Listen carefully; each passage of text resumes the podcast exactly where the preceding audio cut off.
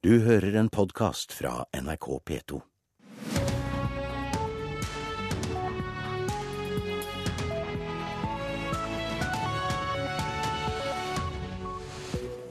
Her i Nyhetsmorgen skal vi også snakke om eh, Obamas klimatale. Vi skal snakke med direktøren for Norsk Polarinstitutt, Jan Gunnar Winther, som eh, har hørt talen.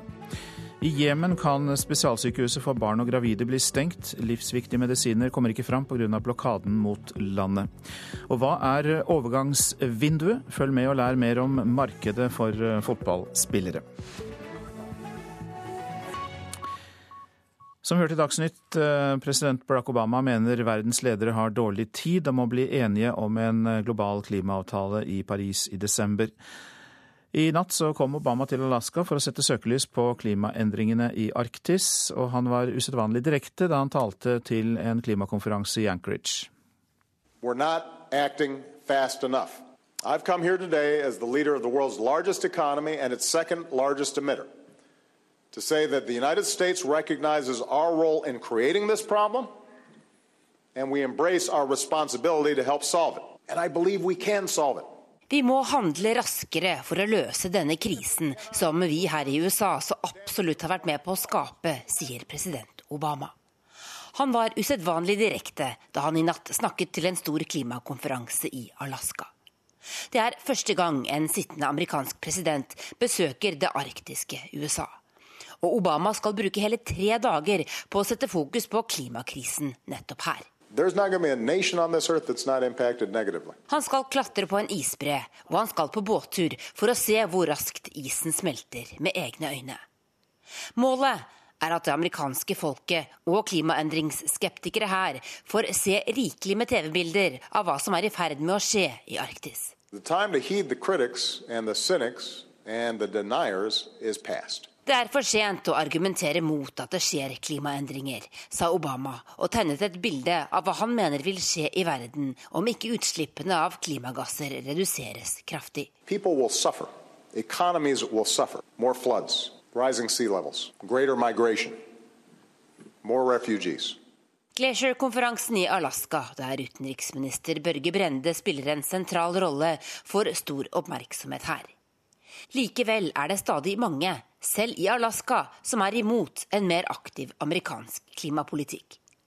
USA er lenge blitt betegnet som en sinke i kampen mot klimaendringene, selv om Obama har fått ros for å ha kommet fram til en avtale med Kina om gjensidig reduksjon av utslipp.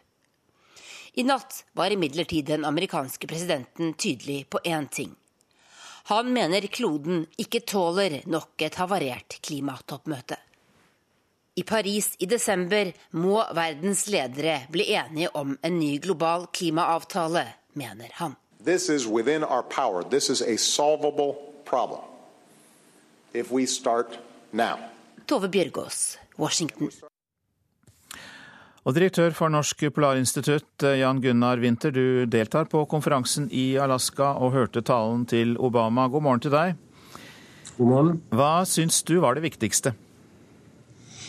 Eh, inntrykket er at eh, Obama viser stort lederskap eh, og inspirerer de mange som var deltakere på konferansen, også mange utenriksministre, inklusiv det norske, til å ta ansvar og gjøre forpliktelser som da kan materialisere seg på klimatoppmøtet i Paris i desember. Hvorfor er Arktis, Arktis nå blitt så viktig for amerikanerne og for Obama? Eh, klimaendringer og bekjempelsen av det har jo vært eh, en sak som Obama har engasjert seg i tidligere. Men nå er det sammenfallende med at eh, USA har formannskapet i Arktisk råd. Dette møtet var ikke et Arktisk råd-møte, men det er sammenfallende med den perioden USA sitter i formannskapet. Og det er nok ekstra viktig for USA å vise at de har vilje og evne også til å gjøre, ta initiativ når det gjelder Arktis og klimaendringer. Hvilken rolle spiller Russland på denne konferansen, for de har jo sterke interesser i Arktis? Eh, Russland har ikke vært representert på ministernivå. Eh, den russiske ambassadøren til USA har vært til stede på møtet. Eh, men det har ikke vært russiske politikere her. Så Sånn sett så har Russland spilt en beskjeden rolle på møtet. Men hvilken rolle er det viktig at Russland spiller, altså sett ut ifra din rolle som direktør for Polarinstituttet? Russland er jo stormakten i nord eh, og besitter mer enn halvparten av arealet i Arktis. Eh, Russland må man ha om bord hvis man skal ha eh, godt samarbeid i Arktis. Nå skal det jo sies at samarbeidet i Arktis og i Arktisk råd har nesten gått upåvirka av den politiske krisen vi har i Europa. Men det er ytterst viktig at Russland er med når det gjelder utviklingen, og også utviklingen av forpliktende avtaler i Arktis. De eh, som du er på konferanse sammen med, har de tro på en avtale på klimatoppmøtet i Paris i desember? For det var jo hovedbudskapet til Barack Obama, at eh, man må komme til en avtale. Ja, det tror jeg gjennomgående man har. Eh, når det er sagt, så er det også slik at John Kerry sa det på den måten at det er ikke enden eh, når det gjelder bekjempelse av klimaendringer i Paris, men det er heller starten på et løp mot å få til gode, forpliktende eh, avtaler internasjonalt. Så man både har en stor forventning til at Paris kan bli et svært viktig milepælsmøte, men samtidig erkjenner man at det er mye arbeid som gjenstår også etter Paris. Så den balansen mellom forventninger og realisme eh, uttrykte John Kerry tydelig tidligere i dag. Det kom altså til uttrykk fra den amerikanske utenriksministeren John Kerry, som også er da til stede. Hjertelig takk for at du var med oss i Nyhetsmorgen, Jan Gunnar Winther, direktør for Norsk Polarinstitutt. Nå skal jeg ta for meg avisene og forsidene.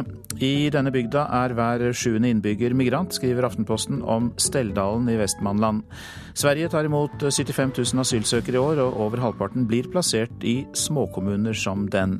Men i Steldalen stemmer 36% av velgerne på det innvandringskritiske Sverigedemokraterna stiller opp for folk på flukt. Dagsavisen forteller om mange som åpner hjemmene sine for flyktninger og deler ut mat og klær. Avisa går ut til sine lesere og ber dem ta et tak.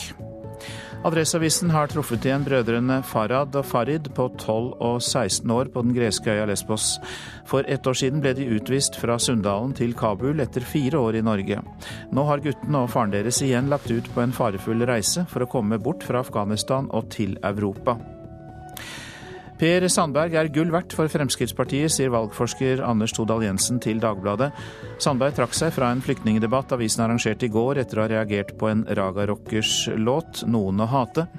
Sandberg er på mange måter stemmen til det gamle Frp, og han vekker kjernevelgerne, sier Todal Jensen.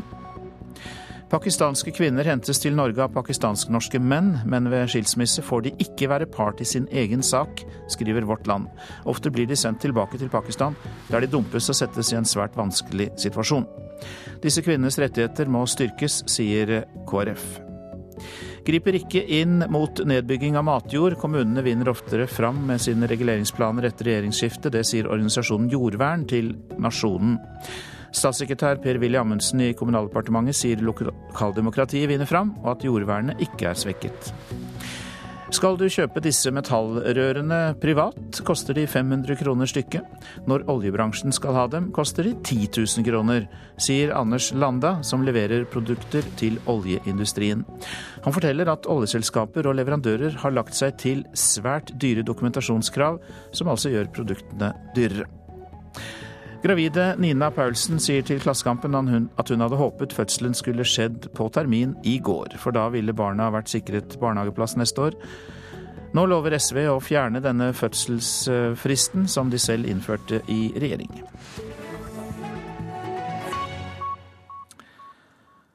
Nå om uh, fotball i Nyhetsmorgen. Overgangsvinduet i flere av de største ligaene i Europa har stengt, og i England stenger vinduet i kveld. og Det er jo da den perioden av året det er tillatt for en fotballklubb å hente inn nye spillere fra andre klubber. Og Sven Bisgaard Sunde, du skal hjelpe oss med det. God morgen til deg. God morgen til dere òg. Du er programleder for fotballpodkasten Heia fotball, som lages av NRK P3. Er da med oss fra studio på Tyholt i Trondheim. Og så har vi aller først eh, denne mm, overgangen til eh, David De Gea eh, fra Manchester United til Real Madrid som visstnok skal ha strandet. Hvorfor det? Ja, Det har blitt en veldig veldig snodig situasjon. Det, når man skal gjøre en sånn type overgang, så må man sende diverse kontrakter og papirer i, i øst og i vest. Og det som sies eh, fra de spanske avisene og fra diverse fotballjournalister som, som har fulgt saken tett, er at det er en kontrakt som har blitt sendt ett minutt for seint, og da har hele den her eh, store, altså mange eh, Eh, gått i vasken. Er begge disse lagene glad for det, eller er det sånn at United er glad for å beholde han? Det er veldig vanskelig å svare for. Eh, jeg tror nok United hadde egentlig lyst til å beholde han, men han har ikke lyst til å spille for klubben. Så mm, jeg tror det her er noe som ingen av klubbene egentlig hadde eh, håpt på. Men det finnes jo selvfølgelig konspirasjonsteoretikere der ute som allerede mener at United gjorde dette for å eh, komme et lite stikk til Real Madrid osv. osv. Men eh, det er vel fra litt mer eh, tøysete kilde eh, vi har den informasjonen. Ja vel. Konspirasjonsteorier og papirrot på høyt nivå, hvor vanlig er det at det skjer? Eh, nei, jeg vil si det er sjokkerende vanlig. Eh, det her transfervinduet som eh, har, som har, har drevet på med dette i ja, 15 års tid, eh, og det oppstår veldig ofte sånne her snodige, rare situasjoner. Når man skal gjøre så, såpass eh, store handler på såpass kort tid, så kan det, kan det utrolig nok ofte skje sånne her eh, snodige varianter, kan du si. da. Fryktelig mye penger på spill. Eh, vi trenger litt folkeopplysning fra deg også, for eh, det er vel ikke alle som kjenner til dette systemet. Kan du utdype litt hva overgangsvinduet er? Eh, det er jo den perioden på året da fotballklubbene har lov til å handle spillere. Det ble vel egentlig oppretta for å liksom unngå at uh, de aller mest pengesterke lagene skulle kunne erstatte spillere uh, hvis, en, uh, hvis en, av skaderne, en, av spillerne deres ble skada, f.eks. Så det er en kort periode på sommeren og en kort periode på, på, vinteren hvor det er lov til å kjøpe spillere. Og Hvorfor blir det ofte så mye spenning rundt det? For den mest dedikerte fotballfansen så er det en, sånn, det er en merkedag, det her. For det er en periode hvor det skjer sånne ting som det her. da. At man eh, Store, store profiler bytter klubb. Masse penger eh, eh, flytter på seg, og det, skjer liksom eksepsjonelle ting. Så kan, det er på en måte ofte den viktigste dagen for en fotballklubb òg. At det er liksom siste mulighet til å handle inn en storfisk og, og forsterke laget før sesongen ordentlig er i gang. Ja, Er det noen flere spennende overganger vi bør nevne? Eh, det er veldig veldig, veldig mye rykte på en sånn dag som dette. Eh, og nå er det iallfall sånn at Manchester United, som på en måte er en av de mest pengesterke klubbene, eh, de kvitta seg med veldig mye spillere i går. Og da forventer man jo at de kommer til å erstatte noen der. Så der har det vært snakk om at kanskje malisiske Gareth Bale eller brasilianske Neymar kanskje skal kunne da klare å hentes inn, men da må man jo ut med eh, antageligvis et rekordbeløp på, um, på transfersum, så da snakker man jo kanskje nærmere 100 millioner euro. Eh, så det er sånne rykter eh, det går, men eh, det er ikke sikkert det kommer til å skje i det hele tatt. Så um, man må bare følge med eh, på en dag som det er, og, og prøve å skille ut den mest tøysete informasjonen fra den mest seriøse.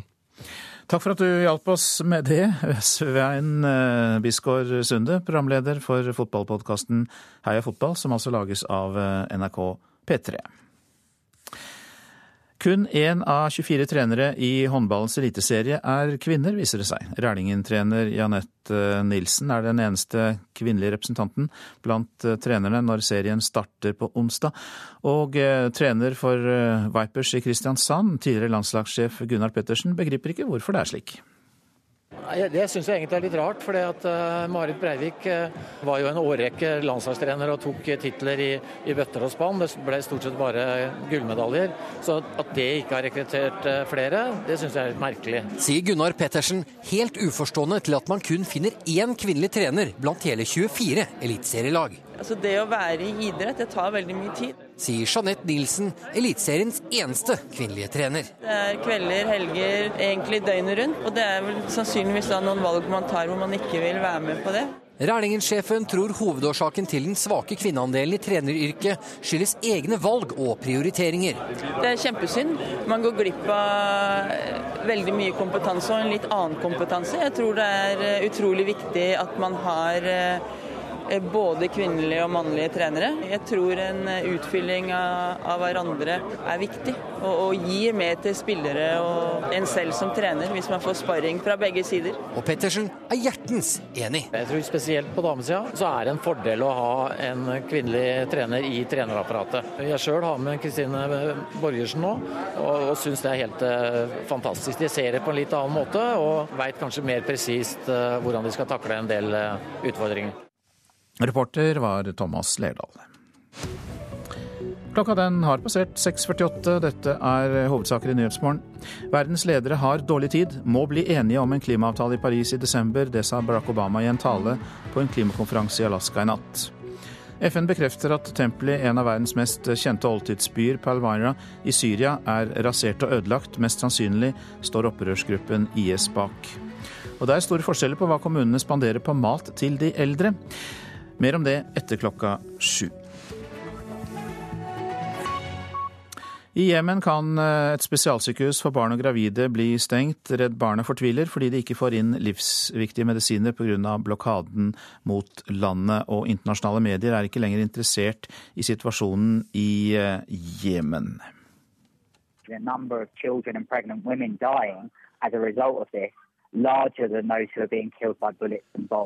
Nå dør flere barn og gravide kvinner av sykdommer og underernæring enn av kuler og bomber. Det forteller den erfarne hjelpearbeideren Mark Kay i hovedstaden Sanaa på telefon til NRK. Hele helsevesenet er i ferd med å kollapse, forteller han. Uh, um,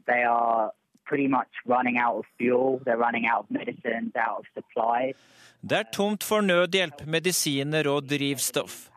Mark Kay, som jobber i det internasjonale Redd Barna, sier situasjonen er så prekær at sykehuset for barn og gravide kvinner må stenge innen 48 timer hvis de ikke får inn forsyninger nå.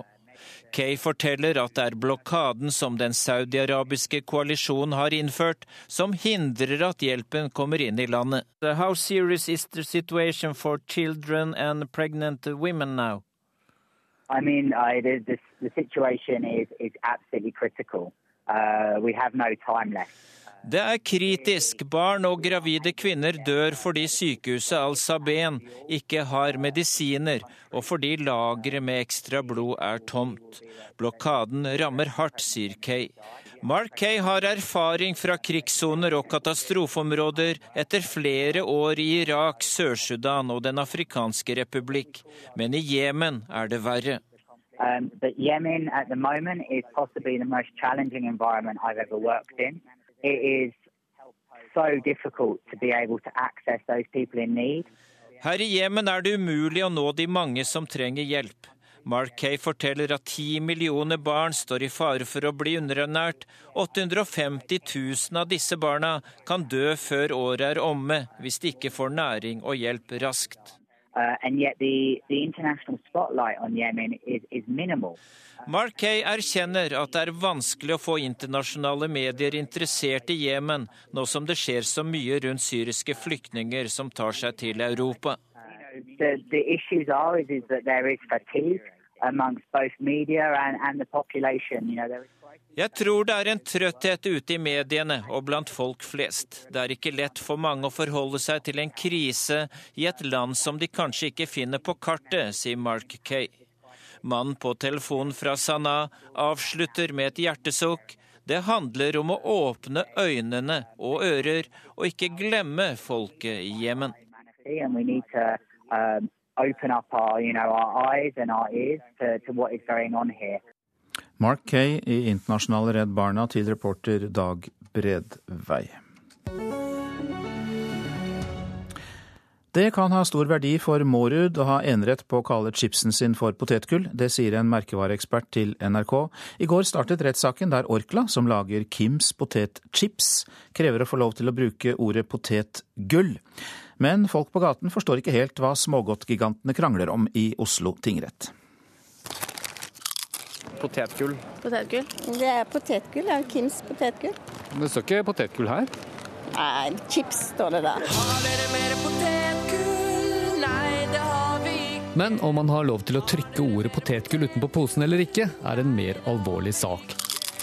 Mårud var selskapet som fant opp ordet potetgull, ingen tvil om det.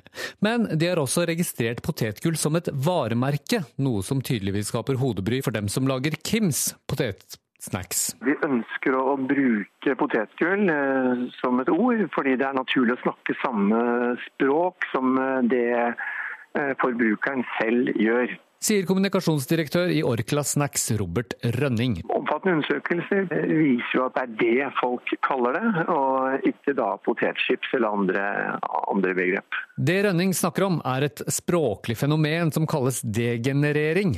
Vi lar Språkrådets Åsta Norheim forklare det. Det at et produktnavn ja, blir allment glir inn i allmennspråket, så at en bruker ordet uten å tenke over at det er eller har vært et produktnavn. Er det vanlig at det skjer? Det skjer med en del. Walkman, ordet sukett, Paracet, Valium.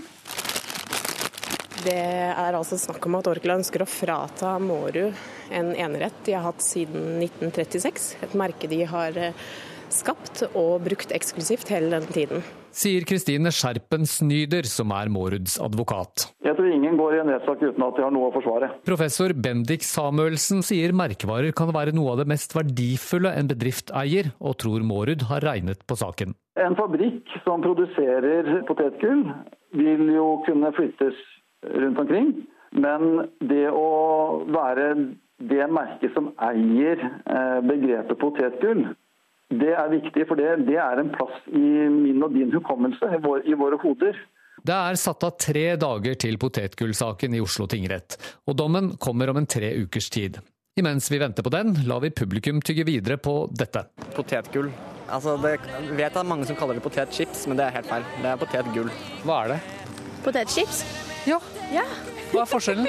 eh, du ha Jo, må du ha patent på potetgull. Og dette er Kims. Det er riktig. Ja. Vær så god, du har vunnet denne.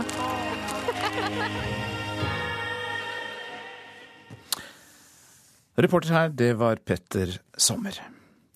I Stavanger går en mangeårig og kostbar orgelskandale mot slutten. Orgelet i Stavanger domkirke hadde så store feil og mangler at det var helseskadelig å spille på, men nå er det reparert og klart for nyinnvielse. Man må jo bare si at orgelet overhodet ikke stemt nå, eller som finstemt eller finjustert ennå. Hvordan føles det å spille i forhold til før, da? Ja, det er jo helt annet. Det er fantastisk. Domorganist Ivan Sarajishvili kan omsider friskmelde skandaleorgelet han kom til i Stavanger i 2007.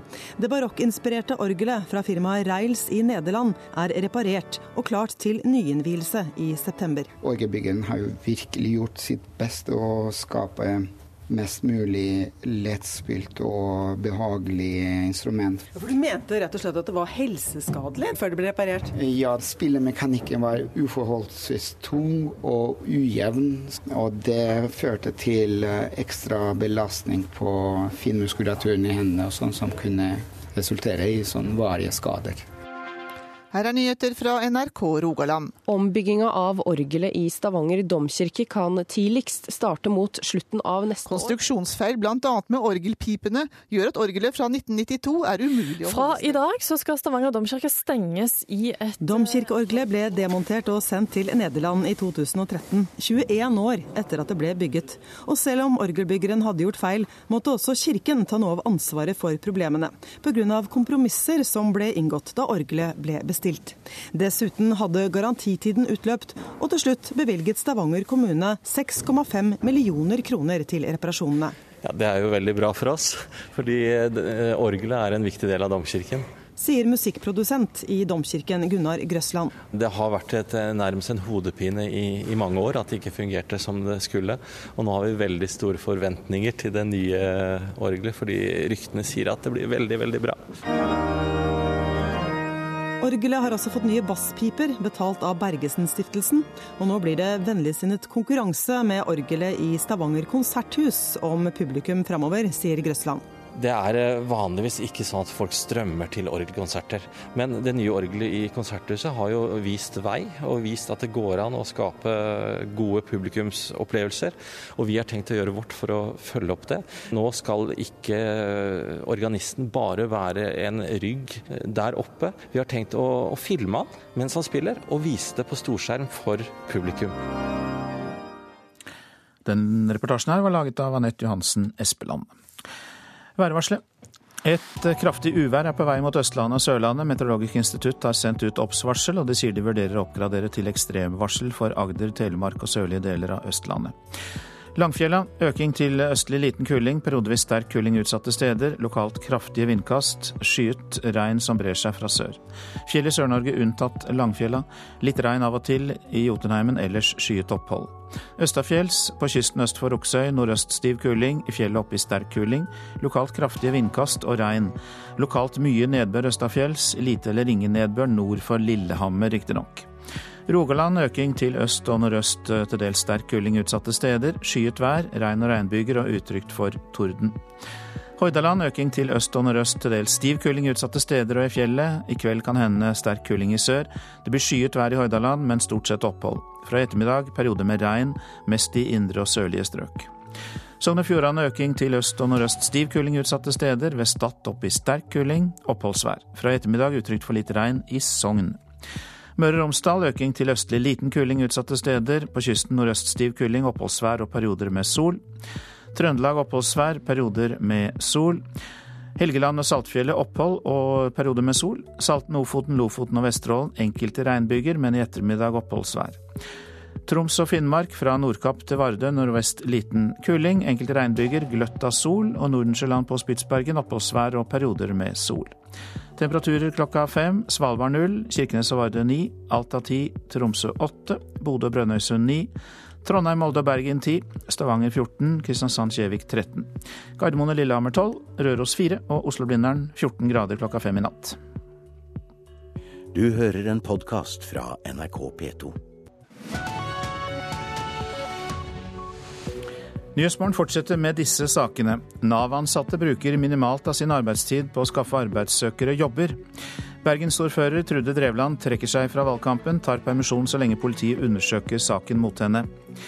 Hva spanderer kommunene på mat til eldre? Det er store forskjeller, helt ned i bare 40 kroner per person på noen sykehjem. Mens ledighetstallene øker kraftig, så bruker Nav-ansatte minimalt med tid på å skaffe nye arbeidsplasser til folk. En rapport viser at bare 3% av møtene Nav-ansatte har, er med potensielle arbeidsgivere. Og tjenestedirektør Bjørn Gudbjørgsrud i Nav mener det ikke er bra nok. Nei, Vi ønsker å bruke mye mer tid på det, men situasjonen i dag er at en gjennomsnittlig Nav-veileder som jobber på et Nav-kontor, har 150 brukere i sin portefølje. Det er veldig mange, og det er vanskelig å få en tett nok oppfølging mot arbeidsmarkedet. Da arbeidskontor og sosialkontor ble slått sammen til Nav, skulle det bli lettere å få folk tilbake i jobb.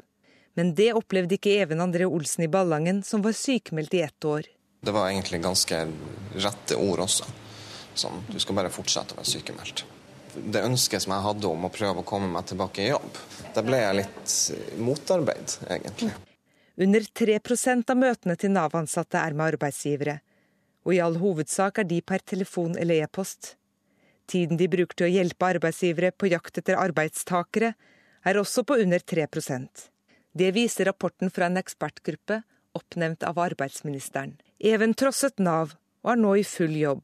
Leder av det lokale Nav-kontoret i Ballangen, Inger Johanne Amundsen, beklager at Even opplevde å ikke få hjelp. Hun sier det er vanskelig å skaffe arbeidsplasser i ei bygd der mange har redusert arbeidskapasitet. Er, altså de mulighetene for folk med nedsatt arbeidsevne er så begrensa. Mulighetene for arbeidssøkere som er helt tipp topp og friske og bare mangler jobb, er òg begrensa ut ifra det vanskelige arbeidsmarkedet vi har. Tjenestedirektøren i Nav sentralt, Bjørn Gudbjørgsrud, sier de ansatte i Nav har flere utfordringer. Det handler jo om kompetansen blant de ansatte. Mange som er ansatt i Nav, har jo ikke den bakgrunnen. Nå har vi begynt å tenke mer utradisjonelt. Vi ansetter f.eks. selgere for å bli relevante ut mot arbeidsgiverne og klare å formidle den arbeidskraften eh, som vi har ledige i, eh, i Nav-systemet. Reporter var Maria Hasselgaard. Og Johan Martin Leikevold, riktig god morgen til deg. Takk skal du ha. Du er direktør i attføringsbedriftene i NHO Service. og Hva syns du om at Nav bruker kun 3% av tiden på å finne nye jobber til folk? Nei, Dette er, fremkommer jo av en eh, ekspertutvalget sin rapport, Vågeng-rapporten, som kom i mai i fjor. Og jeg mener at uh, Vågeng-utvalget har helt rett i at uh, i Nav-systemet så har man hatt altfor lite fokus på jobb. Det er helt åpenbart. Eh, bare veldig kort å si at den, den, den, utvalgsrapporten slo fast på en måte to ting. For det første så, eller tre ting. For det første slo han fast at vi får økende arbeidsinkluderingsutfordringer fremover. For det andre så slo han fast at det mangler kompetanse i Nav på disse spørsmålene. Og så og det er jeg helt enig i. Begge disse to tingene er veldig riktige. Men så er det én ting som jeg tror utvalget tar litt feil i. Og det er det at de sier for å løse disse utfordringene, så må Nav gjøre veldig mye mer sjøl. Jeg tror det er helt nødvendig at Nav samarbeider med andre som kan dette og har tett kontakt med samarbeidspartnere eller eh, arbeidsgivere, og som faktisk lykkes i stor grad. Hvordan er samarbeidet mellom dere og Nav? Da? For at dere, du representerer jo bedriftene som driver med arbeidsrettede tiltak. Jo, så Mange steder er samarbeidet veldig godt, og noen steder er det ikke fullt så godt. Og Det som er en realitet, at der samarbeidet er veldig godt, så kommer det flere jobb. Der dette samarbeidet knirker, så kommer det færre jobb. Og jeg tror at litt av utfordringen fremover blir at du må tenke litt som et fotballag, og nå er mulig at de som hører på morgensendingene her ikke kan så mye om fotball. Men det er en realitet at Nav skal være en midtbane. De skal drive frem disse tingene. Men de må huske at de har andre å spille på. De har attføringsbedrifter å spille på, de har sosiale entreprenører å spille på, og de har private leverandører å spille på. Og hvis vi greier det samspillet, så kommer vi til å lykkes fremover. Hva syns du om det aller siste vi hørte i innslaget her, om at eh, Nav selv mener at de bør ansette flere selgere, altså for nærmest å selge de arbeidsledige ut til bedriftene? Jo, men altså, jeg tror det er viktig altså De er litt på sporet etter dette. De tenker litt rett. fordi at eh, Litt av det som er utfordringen i den Vågeng-utvalget sin rapport, er jo det at de beskriver at Nav må bli flinkere til kontakt med arbeidsgivere. Det er vel og bra nok. Men det står jo ingenting om hva som er arbeidsgivernes behov. Og hva er arbeidsgivernes behov? Det er en økende arbeidsinkluderingsvilje i Norge i dag, på tross av økende arbeidsledighet. Fordi at arbeidsgivere trenger arbeidskraft. Og Da må vi se på arbeidsgivere som en ressurs og ikke som et problem. Og Da må du stille spørsmålet hva skal til for at arbeidsgivere skal ansette personer med nedsatt arbeidsevne? Jo, det som skal til, er riktig jobbmatch. Så da må du ha kunnskap om næringsliv og folkene, sånn at du får riktig jobbmatch. Punkt én. Punkt to, så må du følge både arbeidsgiveren og arbeidssøkeren aktivt opp. Da lykkes du. Og dette har vi satt i gang med i Ringer i vannet. Vi får tusenvis av folk i jobb. Hva er Ringer i vannet-prosjektet? Ringer i vannet-prosjektet er egentlig en, et prosjekt som NHO har iverksatt for at de sier, NHO sier vi kan ikke bare mene noe om dette, vi er nødt til å gjøre noe sjøl. Derfor så bidrar de til økende arbeidsinkludering. Her står tusenvis av bedrifter klar til å ta imot folk, og sammen med attføringsbedrifter og andre, og vi får det til. Har du et eksempel på det? Altså en bedrift eh, der du har sett at uh, mulighetene for å få jobb har, har vært bedre enn andre steder? Ja, Det er vel litt vanskelig spørsmål. Jeg skal nødig drive med tekstreklame her, da, men jeg kan nevne at her har vi de i fleng. Du har vekterbransjen, du har rengjøringsselskaper, du har mange. De står i kø, og de vil gjerne bidra. Og Det syns jeg at eh, Nav skal legge seg litt på minnet. De skal bli gode midtbanespillere, de skal ikke gjøre alt. Takk skal du ha, Johan Martin Leikvoll, direktør i attføringsbedriftene i NHO Service. Og jeg legger da til at Valgstudio med Brennpunkt på NRK1 i kveld tar for seg utfordringene med å komme i jobb. Trude Drevland tar fra i dag ulønnet permisjon fra jobben som ordfører i Bergen. Det kunngjorde hun i en pressemelding seint i går kveld. I går valgte statsadvokaten å gjenoppta undersøkelsessaken mot ordføreren etter cruiseskipdåpen i mai. Fylkessekretær i Hordaland Høyre, Charlotte Spurkeland, sier det var Drevland selv som tok denne avgjørelsen. Det Trude Drevland har sagt i dag, er at hun ønsker å gå ut i permisjon frem til politiets eh, undersøkelsessak er avsluttet. Og Det er jo rett og slett for at hun ønsker at eh, denne saken ikke skal komme i veien for eh, valgkamparbeidet som partiet gjør. Dette har jo vært en ny tøff runde for Trude, og vi syns det er prisverdig at hun er opptatt av at det er Høyres politikk som skal være i fokus i valgkampen. Hvordan preger denne saka Høyre? Eh, nei, Jeg tror vi må respektere det at eh, hun ønsker å, å, ta denne permisjonen. Men vi er jo selvfølgelig opptatt av at eh, denne undersøkelsessaken skal gå så fort som mulig, slik at eh, denne saken kan bli avsluttet. Fylkessekretær i Hordaland Høyre, Charlotte Spurkeland, reporter Sølve Rydland. Men Høyre kan ikke skylde på Trude Drevland for de dårlige målingene i Bergen. Det mener professor i sammenlignende politikk, Frank Aarebrot jeg tror ikke nødvendigvis at den saken i seg selv har så stor innflytelse på resultatet. For eh, bakgrunnstallene for målingene viser jo nå at Høyre har et rekordstort antall gjerdesittere fra stortingsvalget. Altså 30% av Høyres velgere fra stortingsvalget synes ikke å være å rikke ned for gjerdet for Høyre. Og det tror jeg skyldes to forhold. Og det viktigste forholdet er eiendomsskatt. Det er at Høyre lovet å fjerne eiendomsskatten, så gjorde de det, og så gjeninnførte den med nesten dobbel sats. Det er klart at for folk som stemmer Høyre, så er skatt viktig. Men så kan man jo si at alt det rotet du har hatt i Høyre over lang tid, og der går Drevland-saken inn som en del av ingrediensene i den suppa. Og den, den, suppen den bidrar til at deres evne til eventuelt å reise seg forbi denne skattemiseren, den blir hemmet. Professor Frank Aarebrot der. Hva får de eldre å spise på sykehjemmene rundt om i landet? Det varierer veldig, for det er store forskjeller på hvor mye penger kommunene bruker på matbudsjettet.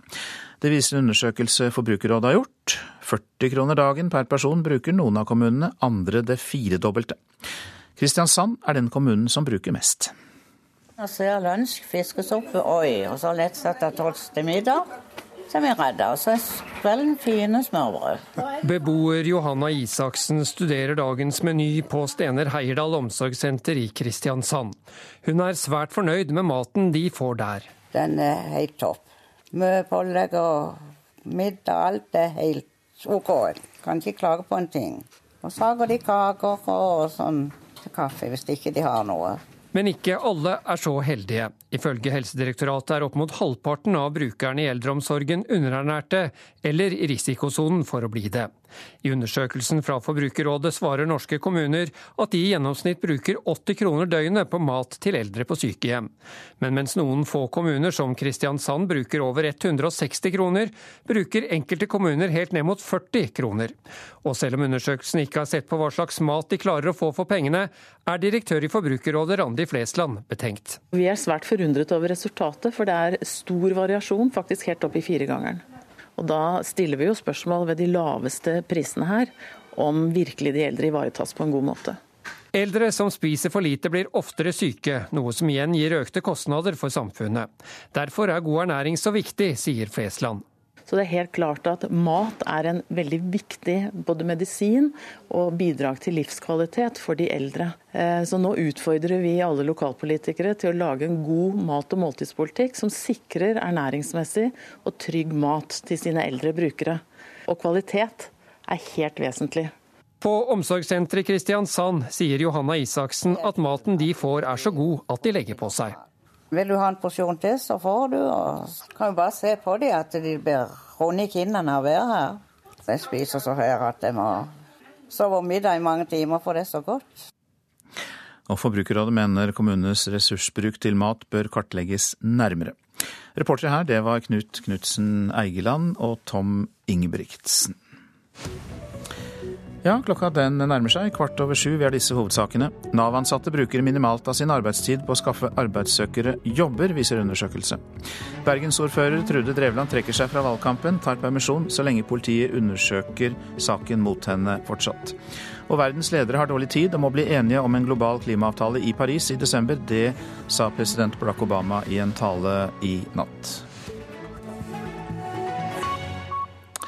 Nå om Bell-tempelet, en av de viktigste bygningene i oldtidsbyen Palmyra i Syria. Det er jevnet med jorden, dette tempelet. Satellittbilder fra FN bekrefter det. Utenriksmedarbeider Sissel Wold, hva mer har kommet fram om dette? Ja, FN har sendt ut uh, disse bildene både før og etter, hvor det er veldig tydelig at uh, det ikke er noe igjen av dette Bell-tempelet. Og Bell-tempelet var bygget på en høyde innenfor denne oldtidsbyen, og har også vært uh, et tempel før dette siste tempelet ble bygget for 2000 år siden. Så man, IS har jo lagt ut bilder på nettet av at de har ødelagt eh, tempelet, at de har eh, båret inn eh, dynamitt i tempelet. Men først nå har FN fått bekreftet det. Si litt mer om dette stedet. Det er et veldig gammelt sted.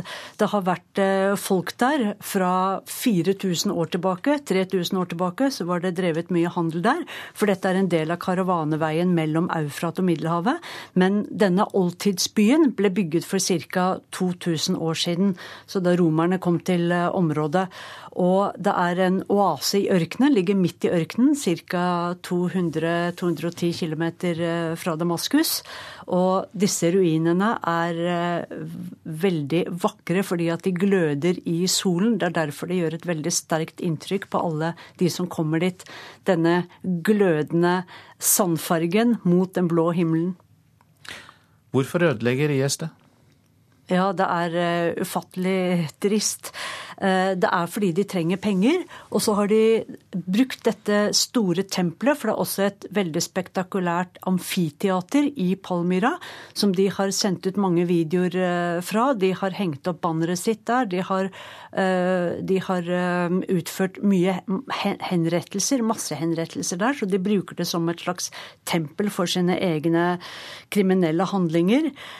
De er også ute etter gamle antikviteter, for de trenger penger. Og for et par uker siden så halshugget de jo denne arkeologen, som en er, er en av nestorene i eh, Palmyra, som var 82 år gammel, Khaled al-Assad, fordi han ikke ville vise dem de viktigste og mest eh, verdifulle antikvitetene. Og så holder de til der, for de vet at ingen vestlige makter vil bombe Palmyra vil bombe restene av denne fantastiske oldtidsbyen.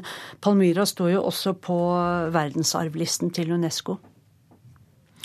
Takk skal du ha for den orienteringen fra deg, utenriksmedarbeider Sissel Wolle. Ledelsen i det svenske Senterpartiet vil at Sverige skal bli medlem av Nato. Om en eh, måned skal partiet ta stilling til forslaget. Vi har et eh, svart hull i vår sikkerhetspolitikk. Det sier partileder Annie Løv. Den henger ikke ihop, og eh, det har fått oss å føre en diskusjon om våre veivalg. Sverige har sammen med Finland hele tiden holdt seg utenfor Nato men ifølge eksperter har begge landene i den senere tid nærmet seg forsvarsalliansen. Et utvidet militært nordisk samarbeid understreker annet dette, mener de. Og nå mener altså ledelsen i Senterpartiet i Sverige at tiden er moden for å markere hvor Sverige faktisk står. Alliansefriheten vår kan bli en sikkerhetsrisiko, skriver Annie Løv i svenska Dagbladet i dag, og utdyper hvorfor det nå er spesielt viktig å stå sammen i Nato. Vi tycker att eh, det finns skäl att stärka den nordiska rösten, att ena Norden säkerhetspolitiskt. Och eh, det uppfattar vi blir en styrka för eh, säkerheten i EU, säkerheten runt Östersjön och också Arktis. Vi tycker att det är viktigt att lyfta Norden som kärnvapenfri zon. Och eh, förutsättningen för att komma vidare är ju att vi alla har en likartad säkerhetspolitisk bedömning och eh, medverkar i samme strukturer. Annie Løv sier at et svensk Nato-medlemskap også understreker solidariteten med EU-medlemmene ved Østersjøen. Vi må stille opp for dem, sier hun. Tror de landene at vi kommer til å gjøre det? Nja, ikke i dag. Men gjennom å være tydelige i vår sikkerhetspolitiske signal med Nato-samverkan fullt ut så viser visar vi at vi mener alvor når vi sier at vi skal være solidariske. Og det bidrar også til å stärka sikkerheten i vår nærmiljø. Reporter her, det var Hans-Jørgen Solli. Vi beveger oss til Nepal, for eh, mange der sliter med hverdagen etter jordskjelvet som rammet landet i april i år. Over 12 600 pasienter har så langt fått behandling ved det norske feltsykehuset til Røde Kors. Og 500 operasjoner og mer enn det er blitt gjennomført. Og nå er du kommet hit for å fortelle oss mer om dette, teamleder Olaf Røsseth. Velkommen. Takk. Du kom hjem i går, og hva har gjort sterkest inntrykk på deg under dette oppholdet i Nepal? Det er å se hvor eh, store ødeleggelser det har vært etter jordskjelvet. Og eh, hvilken desperat situasjon mange av eh, befolkningene, spesielt ute i distriktene, er i. Og at det var et enormt stor pågang til de eksisterende helsetjenestene i Nepal. Og de var da såpass overbelasta at det feltsykehuset vi sendte ut, var jo en kjærkommen tilvekst til, til det som var. Du har jo tidligere sagt at eh, spesielt barna er sårbare. Hvordan har dere prøvd å hjelpe dem? Vi har en eh, egen komponent som heter i programmet vårt, som heter psykososial støtte. Barn de mister jo også alt de eier når eh, huset raser sammen. og men de mister også noe av kontakten med foreldrene sine. Eh, for foreldrene blir jo gjerne mer opptatt av å klare seg sjøl enn å ta seg av barna sine. Så vi har den psykososiale støttedelen som gjør at ehm, vi kan gi barna noe annet å tenke på. Eh, kanskje på en måte erstatte noe av den omsorgen som foreldrene i en overgangsperiode ikke er klar til, er i stand til å gjøre. Men gjør dere det gjennom ting eller personer? Eller begge eh, deler? Begge deler. Vi, har, vi, trener for det første opp mange frivillige som eh, lokale, som da kan språket, kan dialektene, kjenner kulturen. Vet hva barn normalt leker med, hva de er opptatt av, hvilke sanger de kan. Eh, pluss at vi selvfølgelig bidrar med noe, med noe enkelt materiale. Det er ikke mye som skal til i denne sammenhengen her. Du og flere kolleger er jo kommet tilbake til Norge. Hva skjer med feltsykehuset i Nepal? Det er allerede nå eh, overgitt til Nepal Røde Kors. Eh, de driver ikke sykehuset selv, men eh, det er det distriktssykehuset i Chautara, der hvor vi hadde feltsykehuset vårt. De har nå tatt over alt det medisinske utstyret. Og har, eh, det er en, snart en uke siden vi pakka ned de siste teltene våre. Og så jeg har jo fått anledning til å følge opp hvordan det nå fungerer på det nye som det drives nå på et annet sted, men bare 100 meter opp i bakken. Eh, de klarer på en veldig bra måte å nyttiggjøre seg det utstyret som vi har satt igjen. Nepal er jo da sårbart for jordskjelv. Eh, jordskjelv, kan man si noe om hvordan de bedre kan sikre seg mot et nytt et? Det har nok ikke vi noen ekspertise på hvordan man kan sikre seg mot jordskjelv, for det skjer jo ofte veldig uventa. Men man kan være forberedt på, på tiltak som kan gjøres. Og det er det vi nå setter inn støtet på videre framover. Det å være med å, bygge opp beredskapsevnen til Nepal Røde Kors. Eh, sånn at eh, når et jordskjelv skjer, for det, det, kommer sikkert til å skje før eller siden, så er de bedre i stand til å takle den katastrofen alene, alene. Kanskje med mindre hjelp utenfra. Og vi kan også bidra litt med å, ved å måtte Eh, forberede befolkningen på hva de bør gjøre hvis katastrofen igjen skjer. Mange takk skal du ha, Olaf eh, Røseth, som altså har vært teamleder for eh, feltsykehuset til Røde Kors i Nepal. Så skal jeg si litt om det avisen er opptatt av i dag. I denne bygda er hver sjuende innbygger migrant, skriver Aftenposten om Stelldalen i Vestmannland. Sverige tar imot 75 000 asylsøkere i år, og over halvparten blir plassert i slike småkommuner. Men Stelldalen, der stemmer 36% av velgerne på de innvandringskritiske Sverigedemokraterna stiller opp for folk på flukt. Dagsavisen forteller om mange som åpner hjemmene sine for flyktninger og deler ut mat og klær. Avisa går ut til sine lesere og ber dem ta et tak. Adresseavisen har truffet igjen brødrene Farad og Farid på 12 og 16 år på den greske øya Lesbos. For et år siden ble de utvist fra Sunndalen til Kabul etter fire år i Norge. Nå har guttene og faren deres igjen lagt ut på en farefull reise for å komme bort fra Afghanistan og tilbake til Europa. Per Sandberg er gull verdt for Fremskrittspartiet, sier valgforsker Anders Todal Jensen til Dagbladet. Sandberg trakk seg jo fra en flyktningedebatt avisen arrangerte i går, etter å ha reagert på en Raga Rockers låt 'Noen å hate'. Sandberg er på mange måter stemmen til det gamle Frp, og han vekker kjernevelgere, sier Todal Jensen. Pakistanske kvinner hentes til Norge av pakistansk-norske menn, men ved skilsmisse får de ikke være part i sin egen sak, skriver Vårt Land. Ofte blir de sendt tilbake til Pakistan, der de dumpes og settes i en svært vanskelig situasjon. Og disse kvinnenes rettigheter må nå styrkes, sier KrF griper ikke inn mot nedbygging av matjord. Kommunene vinner oftere fram med sine reguleringsplaner etter regjeringsskiftet. Det sier organisasjonen Jordvern til Nasjonen. Men eh, statssekretær Per-Willy Amundsen i Kommunaldepartementet sier lokaldemokratiet vinner fram, og at jordvernet ikke er svekket. Skal du kjøpe disse metallrørene privat, så koster de 500 kroner stykket. Når oljebransjen skal ha dem, koster de 10 000 kroner, sier Anders Landa, som leverer produkter til oljeindustrien. Han sier at oljeselskaper og leverandører har lagt seg til veldig dyre dokumentasjonskrav, som da får prisen opp. Under forrige lokalvalg i 2011 var det kun 43% med innvandrerbakgrunn som brukte stemmeretten. Totalt var valgdeltakelsen da på 65% Regjeringen har nå satt i gang tiltak for å få opp valgdeltakelsen blant velgere med minoritetsbakgrunn.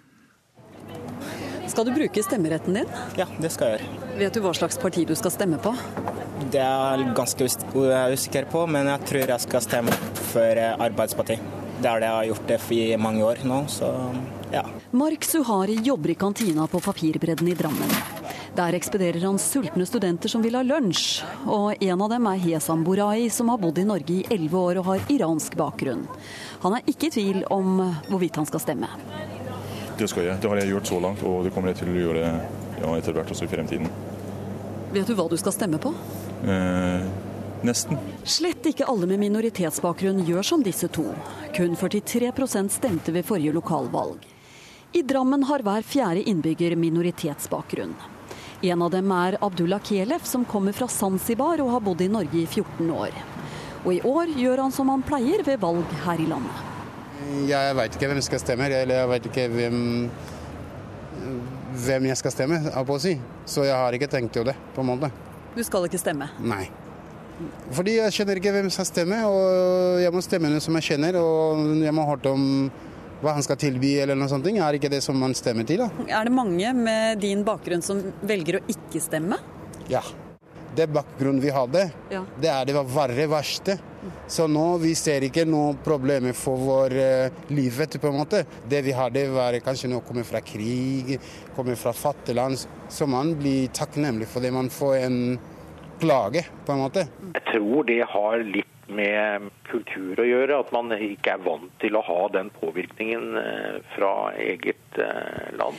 Det sier Jardar Jensen, statssekretær i Kommunaldepartementet, som en forklaring på hvorfor så få velger å stemme.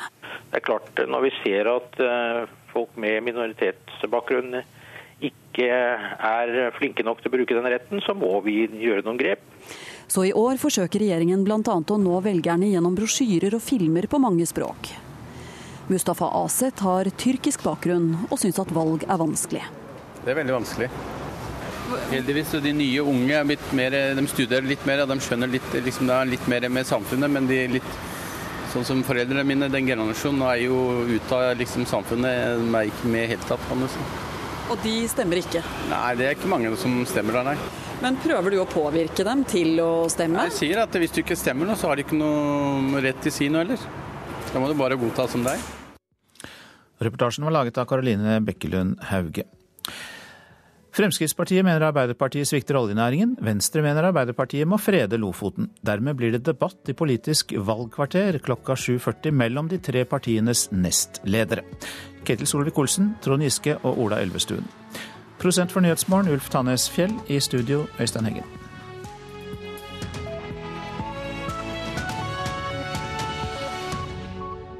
Du har hørt en podkast fra NRK P2.